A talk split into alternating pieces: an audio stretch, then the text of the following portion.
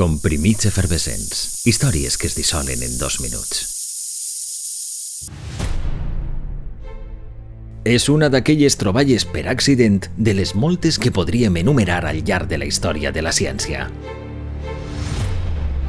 I també un exemple més que el premi se l'emporta el que més corre, en este cas a l'oficina de patents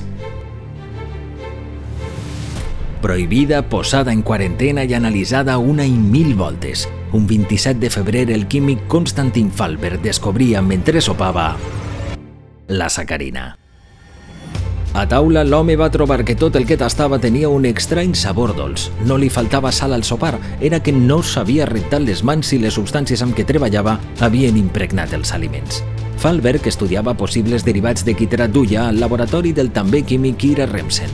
Després de l'incident del sopar, decidí continuar analitzant el compost i en intuir el seu enorme potencial industrial va córrer a l'oficina de patents per assegurar-se'n l'autoria. Ira Remsen no li ho perdonaria en la vida.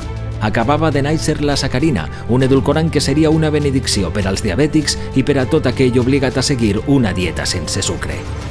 La polèmica plegaria als anys 70 en alertar-se dels presumptes efectes cancerígens de la sacarina, però la majoria dels estudis no serien concloents. No obstant, al Canadà la prohibiren fins al 2014.